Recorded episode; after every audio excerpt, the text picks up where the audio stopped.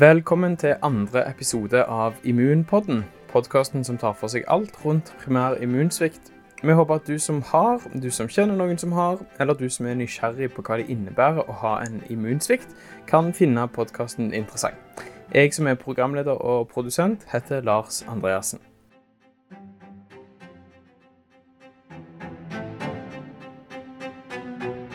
Det er stor variasjon i diagnosen som faller inn under primær immunsvikt, og tilsvarende stor variasjon på hvordan de som har diagnosene, lever med sykdommen. I forrige episode så snakket vi litt om hva immunsvikt er. I dag så fortsetter vi å nøste i det, men i dag så skal vi snakke om hvordan de med immunsvikt lever med diagnosen sin, både før og nå. Og For å hjelpe oss med det, så skal vi senere i episoden snakke med Hans Christian Eriksen, som er overlege ved Oslo universitetssykehus. Men først så skal vi snakke med far og sønn, som begge har CVID, men som fikk diagnosen påvist med tre tiårs mellomrom. I Stavanger bor nemlig Arnstein Rugland og sønnen hans Tore Rugland. Jeg var i marinen og så jeg kom jeg inn på Haukeland for å operere sånn bihulene, bred åpning som det kalles, pga. mange bihulebetennelser. Og der var det en våken eh, kvinnelig lege som eh, tok noen ekstra prøver. Og dermed så ble jeg innkalt igjen uh, til Haukeland mens jeg var på Håkonsvern. Og mens jeg lå der, så fikk jeg en infeksjon på sykehuset som gjorde at jeg var, ble veldig, veldig syk. Og lå og svevde mellom liv og død. Og, og foreldrene mine ble tilkalt og sånn. Og så fant de ut i siste sekund at jeg trengte gammaglobulin, og fikk det tilført. Og ja, kom jeg over det. Og siden den gang så har jeg vært diagnostisert med immunsvikt. Var, da var jeg 19 år. Mm. Hadde du, når du ser tilbake igjen på når du ser tilbake igjen da på tida før du fikk diagnosen, hadde du noen symptomer som begynte å gi mening etter du fikk den? Hvis du forstår hva jeg mener? Ja, jeg hadde jo masse symptomer. Jeg hadde jo, jeg var jo hadde mye betennelser. Lungebetennelse, ørebetennelser i ett. Neglerotbetennelse. Ja, masse generelt betennelser. Og, og, var veldig trøtt pga. dette. Så var jeg veldig trøtt. Men jeg, jeg trodde jo livet skulle være sånn. Og, ja, så jeg, jeg sleit i den tida der, altså. Mm. Når du sier den tida der, er ung, når du var ung? Altså, når jeg var ung, ja. Altså før mens jeg gikk på skole. Det var jo spesielt barneskolen og ungdomsskolen gikk sånn rimelig. Men når jeg begynte på gymnas f.eks., så begynte jeg å kjenne det skikkelig. Og da var det sånn at når jeg eh, kom hjem fra full dag på skolen, så måtte jeg eh, ta meg en time på Øyra, rett og slett, og, få lada batteriene. og, og før jeg kunne begynne på noe lekser eller noe sånt. Mm. Og diagnosen du fikk, eh, hva var det for en diagnose? Det heter, den gang heter det immunsvikt. Nå heter det Ja, hva heter det nå, da? Hypogammaglobulinemi. Hypogammaglobulin heter det den gangen òg, ja. Det var vel det det het. Og så nå heter det eh, CVID, Combined Variable Immunodeficiency. Stemmer det. Fikk du litt hjelp fra sidelinja fra deg, Tore? Ja. Når eh, fant du ut at du hadde det? Jeg fant ut av det første året på videregående. Og da hadde jeg eh, egentlig som pappa gått lenge med forskjellige symptomer som viste Som sikkert viste ganske tydelig at det var det. Men forskninga da sa at det skulle ikke være mulig for far å gi til sønn. Men han kunne gi da til ei datter som kunne bli bærer, og så gi det til sønn. Og det husker jeg jo at etter jeg hadde fått og var på sånne her eh, samlinger med Immunsviktforeningen, så viste de ennå det samme, da, at det skulle ikke være mulig for meg da, å få det. Men det er jo eh, sikkert alle som har immunsviktsykdommer, har sikkert Iallfall nesten alle har eh, sin egen sykdom. Da. Sånn sånn, ja, meg, sånn det meg og pappa har, er det kun meg og han som har Da, Av mm. den genfeilen, da, kanskje. Mm. Så, så, jeg gikk mange år og var sliten og var trøtte, og sånn som pappa sier Jeg trodde jo bare at det var sånn livet var.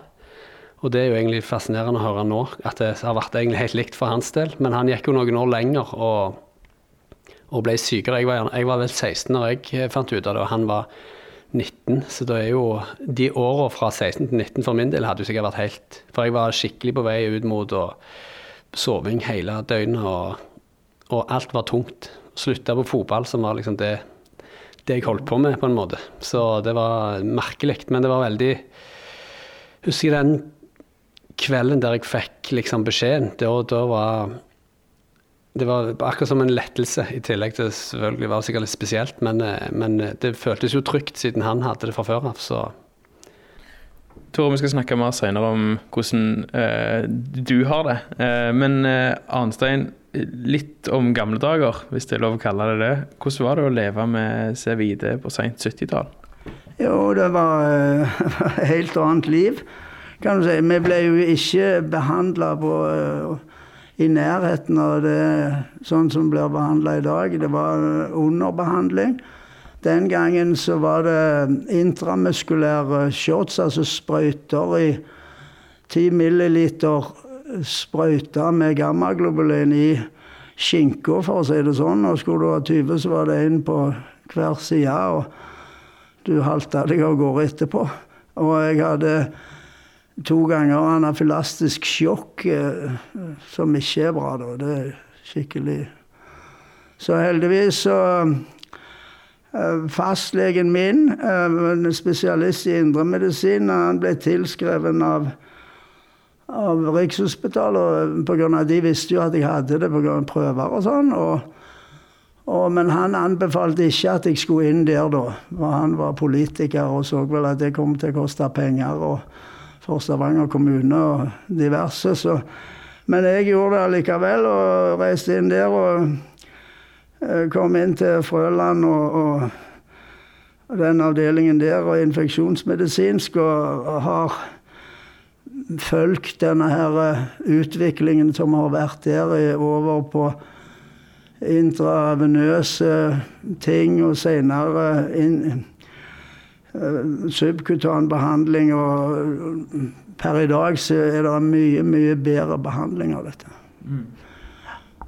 Men du har vært litt så hvis jeg, hvis jeg forsto det riktig, så har du vært litt kreativ med behandlingsformen din sjøl òg. Kan du fortelle om eh, pumpene dine? Ja, jeg var nødt for det. Jeg var i full jobb og hadde tre, tre gutter. hvor Tore var den yngste. da, og og dette var et travelt liv. og Jeg skulle ha dette subkutan, så måtte jeg omtrent uh, holde på uh, ja, det, dette, Når du tar subkutan, så tar det mange mange timer med den pumpa. Og du skal forberede, du skal trekke opp, og du, altså ting tar tid. Og dette hadde jeg ikke tid til, så jeg prøvde å få skaffa meg en sånn stor eh, sånn sprøytepumper i Norge fra Vingmed i Oslo. De hadde sånn Terumo, men de ville ikke selge til privatpersoner. Og så var jeg i Japan og fikk kjøpt meg en sånn Terumo-sprøyte der, som de lagde den. Uh, men den var jo på, med japanske tegn og japanske bruksanvisninger.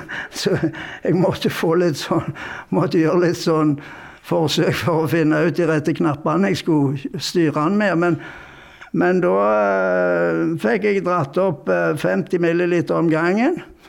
i svære sprøyter. Og så fikk jeg tak i sånne Y-koblinger i USA og trykte de sammen sånn at jeg hadde mange innstikksteder med én sprøyte. Så men bare for å klargjøre det her, du bruker ikke det nå lenger? Dette her var på 70-80-tallet? Det var, Jeg bruker ikke det. det ja. Frøland han var ikke så begeistra for den industripumpa mi, som han kalte det. Men, men, det var min måte å, å gjøre det på. De andre, de pumpene som du fikk av uh, Trygdeverket eller sånn, de var jo på 10 milliliter, og det var jo skvett i havet, altså, med det forbruket de hadde da. Mm. Og veldig kort Frøland, hvem er det? Frøland, Stig Frøland han var overlege og yppersteprest på på, på infeksjonsmedisinsk avdeling på Rikshospitalet. Og en av de store ja, guruene innenfor dette feltet. Da. Hvordan har du Vi var litt inne på det, men hvordan har du eh, fungert i hverdagen med, med sykdommen? Eh, I perioder eh, Nå i det siste har det vært vanvittig bra, men i perioder så har jeg jo slitt. Og det var jo pga. at det, behandlingen var ikke like bra. Eh, antibiotikaen var ikke like bra. Eh, så dette har kommet liksom eh, gradvis. Og jeg husker jeg, jeg reiste veldig mye i jobben. Og jeg husker at jeg var inne hos Frøland på det der kontoret nede på gamle Rikshospitalet. Og da kom han akkurat fra en legekongress i California. Og da hadde han med seg noen tabletter i lommen der. Jeg sa jeg skulle der og liksom lurte på om hva jeg skulle ta for å liksom bli best mulig. Og så Nei, så ga han meg jo disse nye tablettene, da, som var jo da en ny type breispektra antibiotika. Som var en mirakelkur. Altså Hadde tatt to tabletter, så liksom hosta du jo opp alt som lå i nedre, nedre luftveier, og det rant med gørr fra øvre luftveier. Det var liksom sånn skikkelig husrengjøring etter et par tabletter. Så det var et utrolig potent uh, sak, og, og, gjorde at jeg uh, Ja, hjalp meg veldig, da. Du forteller jo litt at du har vært uh, både syk og, og, travel og vært far og hatt en jobb. Tore, hvordan husker du far din fra oppveksten? Jeg husker han som friske, egentlig. Aldri tenkt over at han var syk. Jeg har jo vært med og hjulpet til med medisiner og trekke opp og disse forskjellige tingene, men jeg har aldri Han var alltid på jobb, og han var alltid fungerende. Alltid på tur og gjorde egentlig alt som en frisk person, da. Men så vet jeg jo, så var det jo alltid det med at visste han var syk, men han var aldri Aldri spesielt nedfor, og aldri liksom sånn synlig syk, sånn som jeg tenkte. Men så er det jo det, det, er jo det du er vant med. Så det er jo men det var aldri noe fokus på sykdom, egentlig. da. Vi var med på Frambu en gang når jeg var liten, jeg var gjerne flere ganger, men jeg husker jeg liksom en gang. Og da var det jo bare det at vi var der, var jo kjekt å være der, og tenkte jo ikke over at det var noe med at han var syk, egentlig. Mm. Så det var nok en veldig positiv ting. Merka det mer nå. Han fikk nok mer sånn seinskader fra sin liksom starten der når det var dårligere behandlingsmåter. sånn som disse, så gikk det jo dårligere med lunger og forskjellig for hans del, med, med skader som da liksom, gikk det jo For sikkert fem, seks, syv år siden så merka det jo mer at han var liksom mer prega av det, da. Men så har han fått orden på det òg, så Hva var det som skjedde da, Arnstein? Nei, jeg hadde masse Jeg begynte å bli veldig tungpusta. Og hadde mye utredninger med hjerte og lunge, og de sendte meg opp og ned, opp og ned. og til slutt så kommer det en lege, kvinnelig lege som sier på lungeavdelingen Jeg lå der og der ei uke, tror jeg, og så sier du trenger nye lever, sier. Jeg jeg trenger nye lunger. Nei, det var lever, det var noe høy portvenetrykk, et eller annet sånt. Og så ble jeg satt på levertransplantasjon, eller venteliste utreda, og kom på den lista. Og, og ja Uh, fikk ny lever. 2013, mener jeg det var. Og ble eh, jo litt bedre, men ble liksom ikke skikkelig god. Og så uh, Så var det det at det var lungene som Når de fant ut at det var Lungene var ikke helt i 100 da, så uh, Ja, langt ifra. Men da var det det at jeg med mine underliggende sykdommer så var det ikke snakk om å komme på noen liste engang. Men da gikk jeg i krigen med Fikk med noen på Rikshospitalet som var med meg i krigen, og, og utfordra dem på det. Og uh, vant den krigen. og, og ble utreda. Det var jo sånn 14 dagers EU-kontroll for å se om du kvalifiserte til det, og grensen var 60 år, og jeg var 59, så 58 et halvt var det vel. Men det var liksom sånn helt på håret, da. Og så ja, fikk jeg eh, med god hjelp av eh, spesielt én på Rikshospitalet, så fikk jeg eh, Jeg besto den der EU-kontrollen med glans og, og, og venta på de til de ringte meg en dag jeg var på ferie i Risør, og der henta de meg med helikopter og fikk meg opp og fikk nye lommer. Du fikk jo diagnosen en god stund etter far din. Men Tore, hvordan er det å fortelle, høre han fortelle om hvordan det var for han i starten? Nei, det er fascinerende.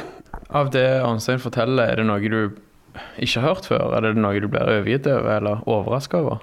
Eh, ja, det er jo mye av det jeg ikke har hørt før, egentlig. For vi har liksom ikke, har ikke, vi har ikke fokusert så mye på sykdom sånn egentlig. Så vi har liksom eh, Jeg spør han hvis det er noe jeg lurer på, men vi har liksom ikke sammenligna hvem som er sykest, eller hva som, er, hva som var hva. Men eh, det er jo mye av det som er helt fascinerende å høre på. Han, som han ikke sa det sjøl nå, men han er jo blitt skikkelig fjelltur mange ganger i uka og er helt sånn der friluftmenneske nå. Og det er ganske utrolig forskjell fra når han ikke kunne gå opp trappene her i, uten å bli skikkelig andpusten. Så han har jo, det er jo gjerne derfor han fikk muligheten til å få nye lunger òg i så gammel alder. er fordi han har gjort på en måte de så, Eller tenkte gjerne at han gjorde jobben sjøl òg, for å liksom kunne ta vare på det.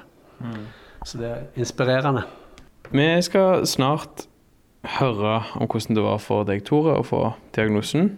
30 år etter at far din fikk han. Men eh, først skal vi gjøre et lite hopp over til Oslo.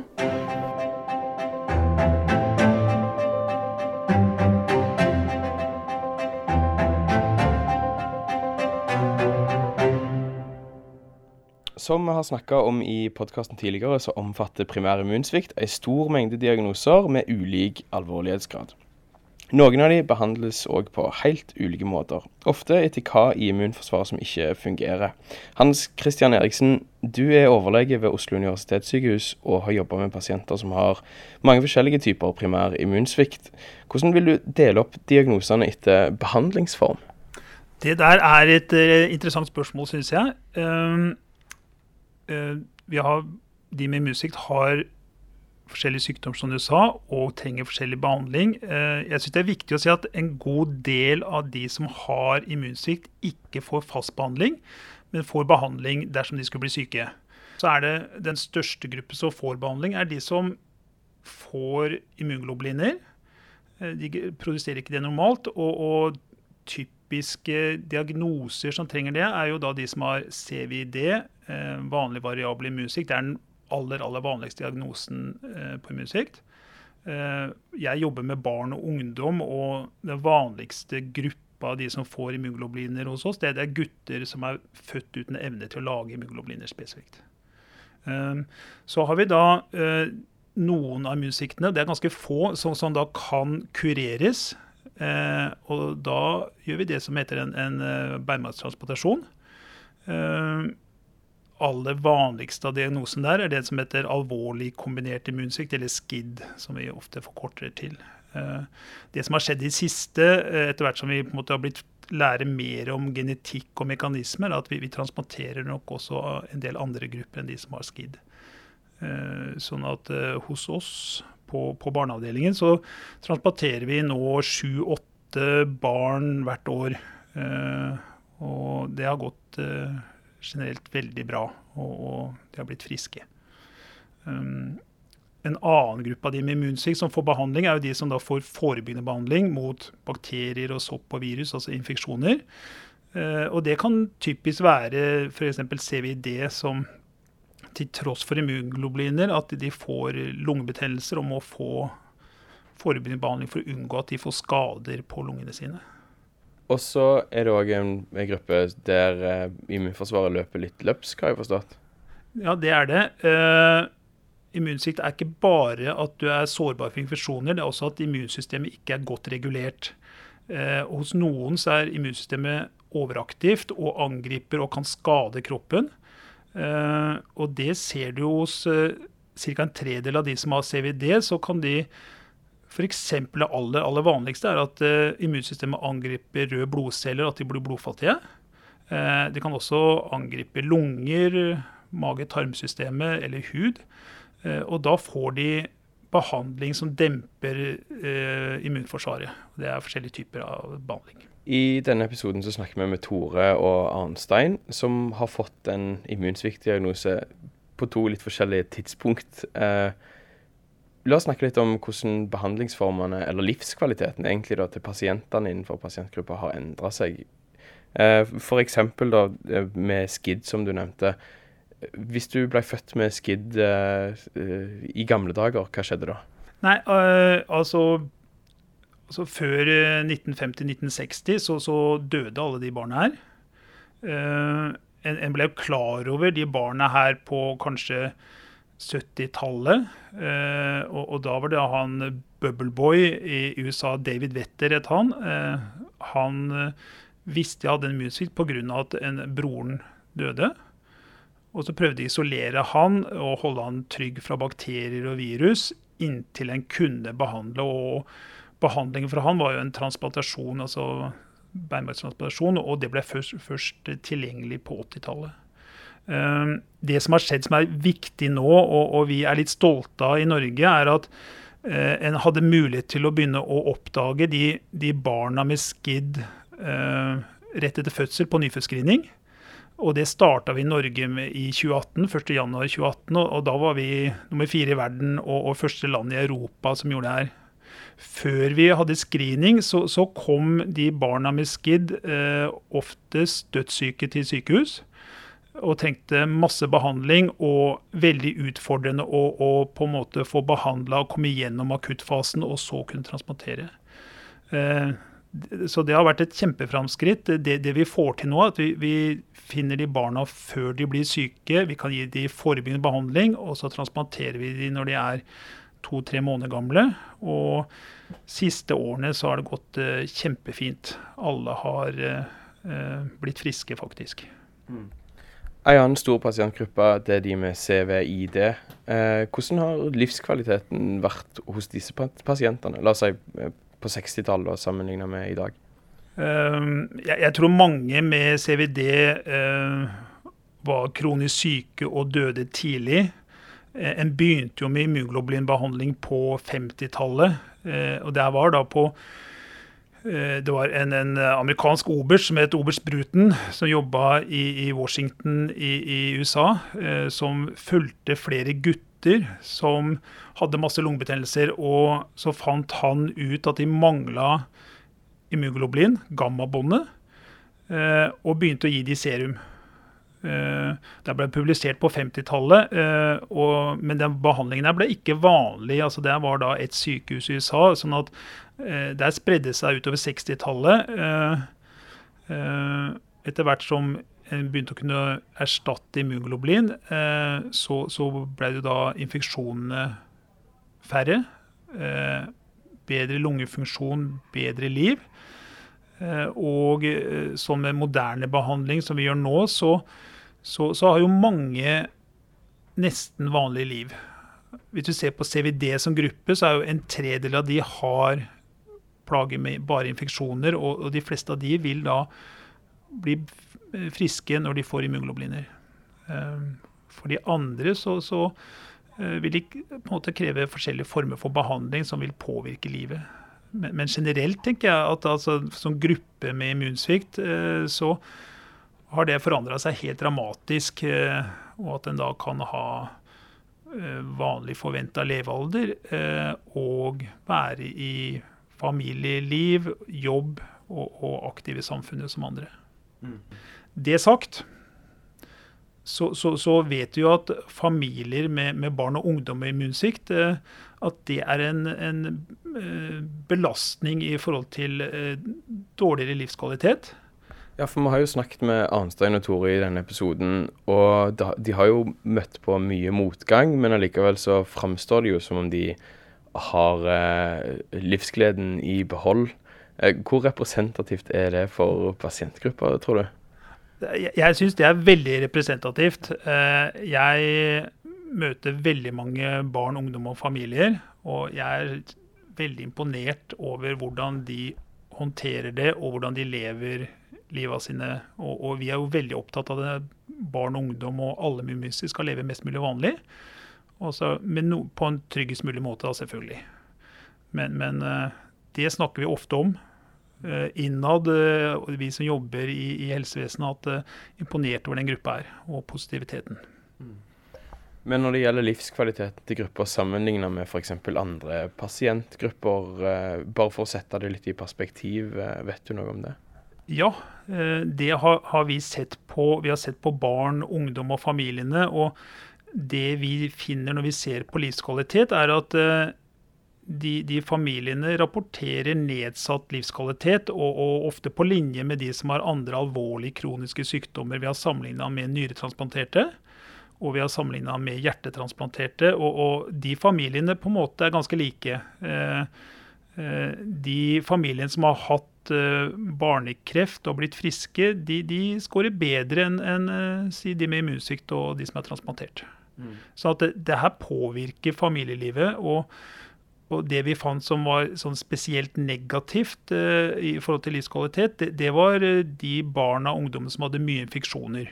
Uh, og, og, der har vi tenkt oss litt at kanskje det som på en måte gjør at det er skåret spesielt negativt, er at da må de på sykehus, ta stikkes, ta prøver og få behandling. Og så tror jeg nok mange av foreldrene også er redd for at infeksjonen enten kan bli veldig alvorlig, eller at den skal, skal få skader, da, sånn, kanskje på lungene, da, hvis det er mange lungebetennelser.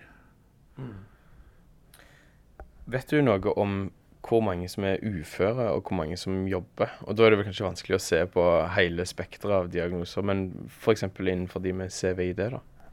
Det, det har ikke noe direkte tall, for det har vi ikke sett på. men, men Mitt inntrykk eh, er at de fleste er i jobb. Eh, og så er det noen som eh, er så mye syke at de ikke greier det. Men da kommer vi litt tilbake til det du sa om, om den familien du har eh, snakka med, som veldig positiv innstilling til livet. Og, og, og, og jeg, jeg, ser at mange med musikk går på jobb med plager som andre ikke hadde gjort. Og det er imponerende.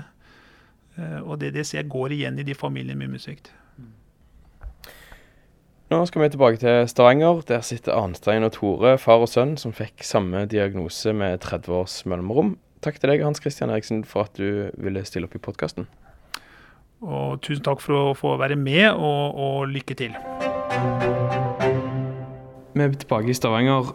Eh, for mange så kan det være eh, skummelt å få en immunsviktdiagnose. Hvordan var det for deg? Nei, det var eh, ikke skummelt det var gjerne litt spesielt og litt eh, Jeg, jeg mente sjøl at jeg ikke på en måte tok det noe særlig tungt og tok det til meg. Men jeg gjorde kanskje det mer enn det jeg eh, visste. Men eh, jeg Det var jo normalt for meg med den sykdommen pga. pappa, da. Og det gjorde jo at det, at det var liksom ikke noe sånn uvisshet og frykt blanda rundt det. Det var liksom Alt var jo normal, eller det var normalt, på en måte. Arnstein, hvordan var det for deg eh, at du fikk beskjed om at 16-åringen din hadde arva CVID-en din? Jeg følte ikke det var Det var ikke noe kjekt, men jeg følte ikke det var noe verdensundergang overhodet. Det var, var, bare å akseptere det. Hvordan påvirker diagnosen deg i hverdagen nå? Eh, den påvirker meg eh, på en sånn måte at jeg eh, har noen tunge år akkurat nå, men det har eh, påvirket meg veldig lite, vil jeg si. Jeg, fra jeg var da 16 eh, til, nå, til kanskje jeg var eh, nærmere 30, så har jeg egentlig ikke tenkt så mye på det. Jeg vet jo at det har vært der, og det har vært liksom Må jo på en måte holde det i sjakk, men jeg har ikke vært særlig plagt med det.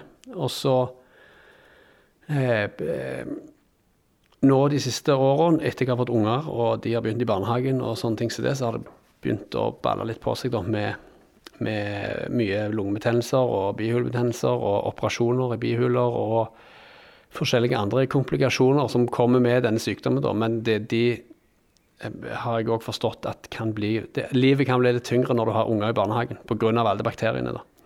Så det preger meg ganske mye i hverdagen akkurat nå, men det er nok i en fase som jeg bare må forbi. Det kommer nok til å bli bra, for å si det sånn. Ja. Det er jo veldig optimistisk, og, det, og håper jo det. Men hva er det som er vanskelig akkurat nå?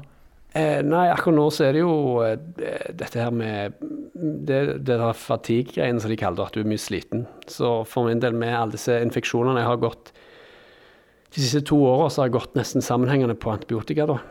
Eh, og det er liksom eh, Noen av de samme bakteriene går igjen hele veien, og så er det nye, og så er det bivirkninger på medisiner mye. I vinter så hadde jeg en sånn her eh, SVT, eller noe sånn hjerte, hjerteproblematikk, der jeg havna liksom inn på sykehuset i to uker pga. noe sånt der eh, at pulsen bare gikk i 190 i noen timer og måtte stoppe det. og så måtte de finne en årsak for det, og det var jo kanskje da den antibiotikaen som jeg fikk for lungebetennelse. Som, så det er jo det er vanskelig å finne noen skikkelige svar, for det er så mye som skjer på en gang eh, ofte. da. Men, eh.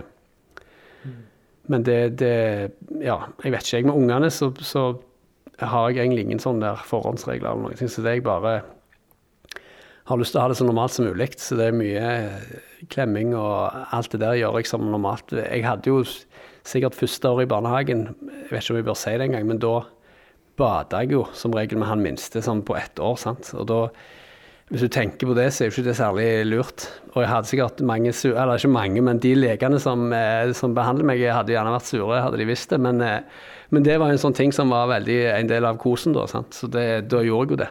Og tenkte ikke så mye på det. Nå tenker jeg gjerne litt mer der, da, pga. at det har vært litt eh, for mye. Men men jeg har ikke lyst til at det skal være noe spesielt, at de skal merke til noe særlig sånn som det. da. Hvordan er det på jobbfronten? Har du, du har ikke vært i jobb i det siste? Nei, nå eh, snart er det to år siden jeg eh, var fast på jobb sist. Og det,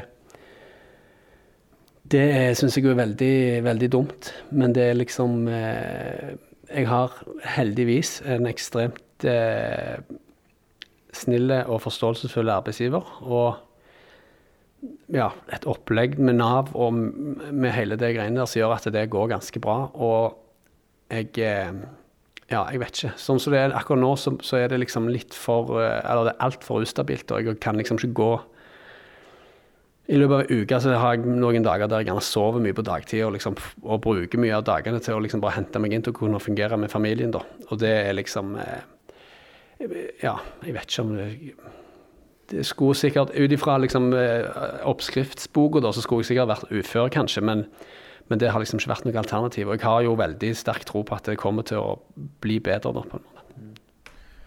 Disse årene med motstand, tar det liksom Blir det litt mindre stå-på-vilje igjen? Altså, hva gjør det med, med livskvaliteten og humør og Nei, det gjør ingen Eller sånn Der tror jeg bare jeg har vært veldig heldig og har eh, av mine foreldre, da. Og sånn som du hører med pappa, da, spesielt, at det er liksom Jeg har ingen eh, jeg ja, tenker ikke særlig tungt på Jeg har ekstremt høy livskvalitet, og jeg har liksom eh, ja, Driven på en måte er til stede. Jeg, jeg forstår jo eh, mine egne begrensninger, alltid på å si det. Før så gjorde jeg nok ikke det heller, men nå jeg klarer jeg å være litt mer smart i måten jeg gjør ting på, sånn det, men, eh, men, jeg har absolutt en ekstra, veldig høy livskvalitet. Anstein, du har heller aldri mista motet?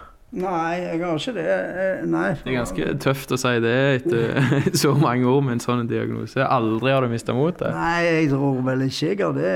Det har vært en del utfordringer, men jeg har jo Av og til så har jeg jo eh, ja vært Eh, ja, jeg har jo vært kritisk syk en del ganger. Og, og ja, blitt sendt med ambulansefly diverse ganger til Oslo. Eh, jeg har jo f.eks. aldri opplevd at han sånn, tenker jeg Med lungetransplantasjon disse tingene, det er jo mange måneder på sykehus, og det er jo mye sånn der voldsomt tunge ting der som jeg egentlig ikke kan forestille meg engang. Men jeg har aldri opplevd at han har liksom Han har aldri vært liksom leie eller liksom sånt. For, for, min del så har han bare alltid vært ganske sånn Eller veldig positiv, da. Og alltid bare eh, nesten, sånn så etter, etter den transplantasjonen, begge transplantasjonene, så har vi gjerne vært ute og spist, så har du fortalt litt om det, og så, og så har vi nesten liksom aldri snakket om det. At det er ikke noe som vi går og, og tenker for mye på, og at det liksom ikke tynger eller senker kvaliteten av hverdagen. Mm. Vi har jo snakket litt om familie som på en måte sykdom, jobb og familie som noen av de tingene som tar tid og krefter og sånn, men det er vel kanskje litt styrke å hente òg i dette med å ha folk rundt seg? Det er jo helt fantastisk å ha de der, og de stiller jo alltid opp. Og det er jo på en måte det som gjør at dette fungerer så bra. Men, eh, men det er bare vondt å vite at de tenker at de er så bekymra for meg, da. Mm. Og for, for, meg så går det jo fint, på en måte. Så lenge jeg er våken, så er jeg jo happy. Men, men, eh, men, det er vondt å tenke på at de har det vondt. Det, det, det, er jo fantastisk å tenke på at de tar seg av eh, alt det som vi liksom trenger, da. Og ja, nei, så det Vi må være takknemlige for de vi har rundt oss. ja. ja, vi er veldig takknemlige for, for de vi har rundt oss. Det er jo absolutt det. Helt til slutt. Eh, dere har ikke bare samme sykdom, men dere har helt den samme genfeilen. Og dere er helt alene i verden om å ha akkurat den. Kanskje, ja. Fortell litt om hvordan i alle dager du fant ut av det. Nei, det var at jeg, jeg hadde kontakt med en lege som jobba på et sykehus i Houston. Og så reiste jeg mye til Houston på jobb.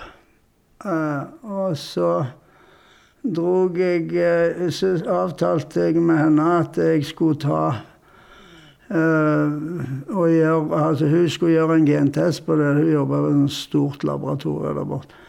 Så fikk jeg med Jeg gikk Tore på sykehuset og fikk uh, tatt blodprøver. og så dro jeg til Houston. Det det tar jo noen timer da, å komme seg bort der. Men så hev jeg meg i bilen og kjørte rett ned til henne. Uh, I denne Medical City. Og, og, der jeg traff henne. Hun tok blodprøvene og analyserte de. og Skrina de og la de ut på en websak. Så de sammenligner med alt som fins i verden. Og det var ingen andre så tok vi de for et halvt år siden igjen, eller noe sånt. Uh, og da fikk vi samme svar at vi er alene om, om dette. Det var det vi hadde for i dag. Immunpodden er snart tilbake med flere episoder som handler om livet med primær immunsvikt. Ønsker du å lære mer om temaet, så kan du se på nettsidene til Senter for sjeldne diagnoser, www.sjeldnediagnoser.no, og Norsk immunsviktforenings nettsider immunsvikt.no. Har du ris, ros eller forslag til hva vi kan ta opp i podkasten, send det til oss på redaksjonen.norge.krøllalfa.cslbering.com. Til den tid er det bare å takke for oss. Jeg som er programleder og produsent, er Lars Andreassen, og takk til CCL Bering, som gjør podkasten mulig.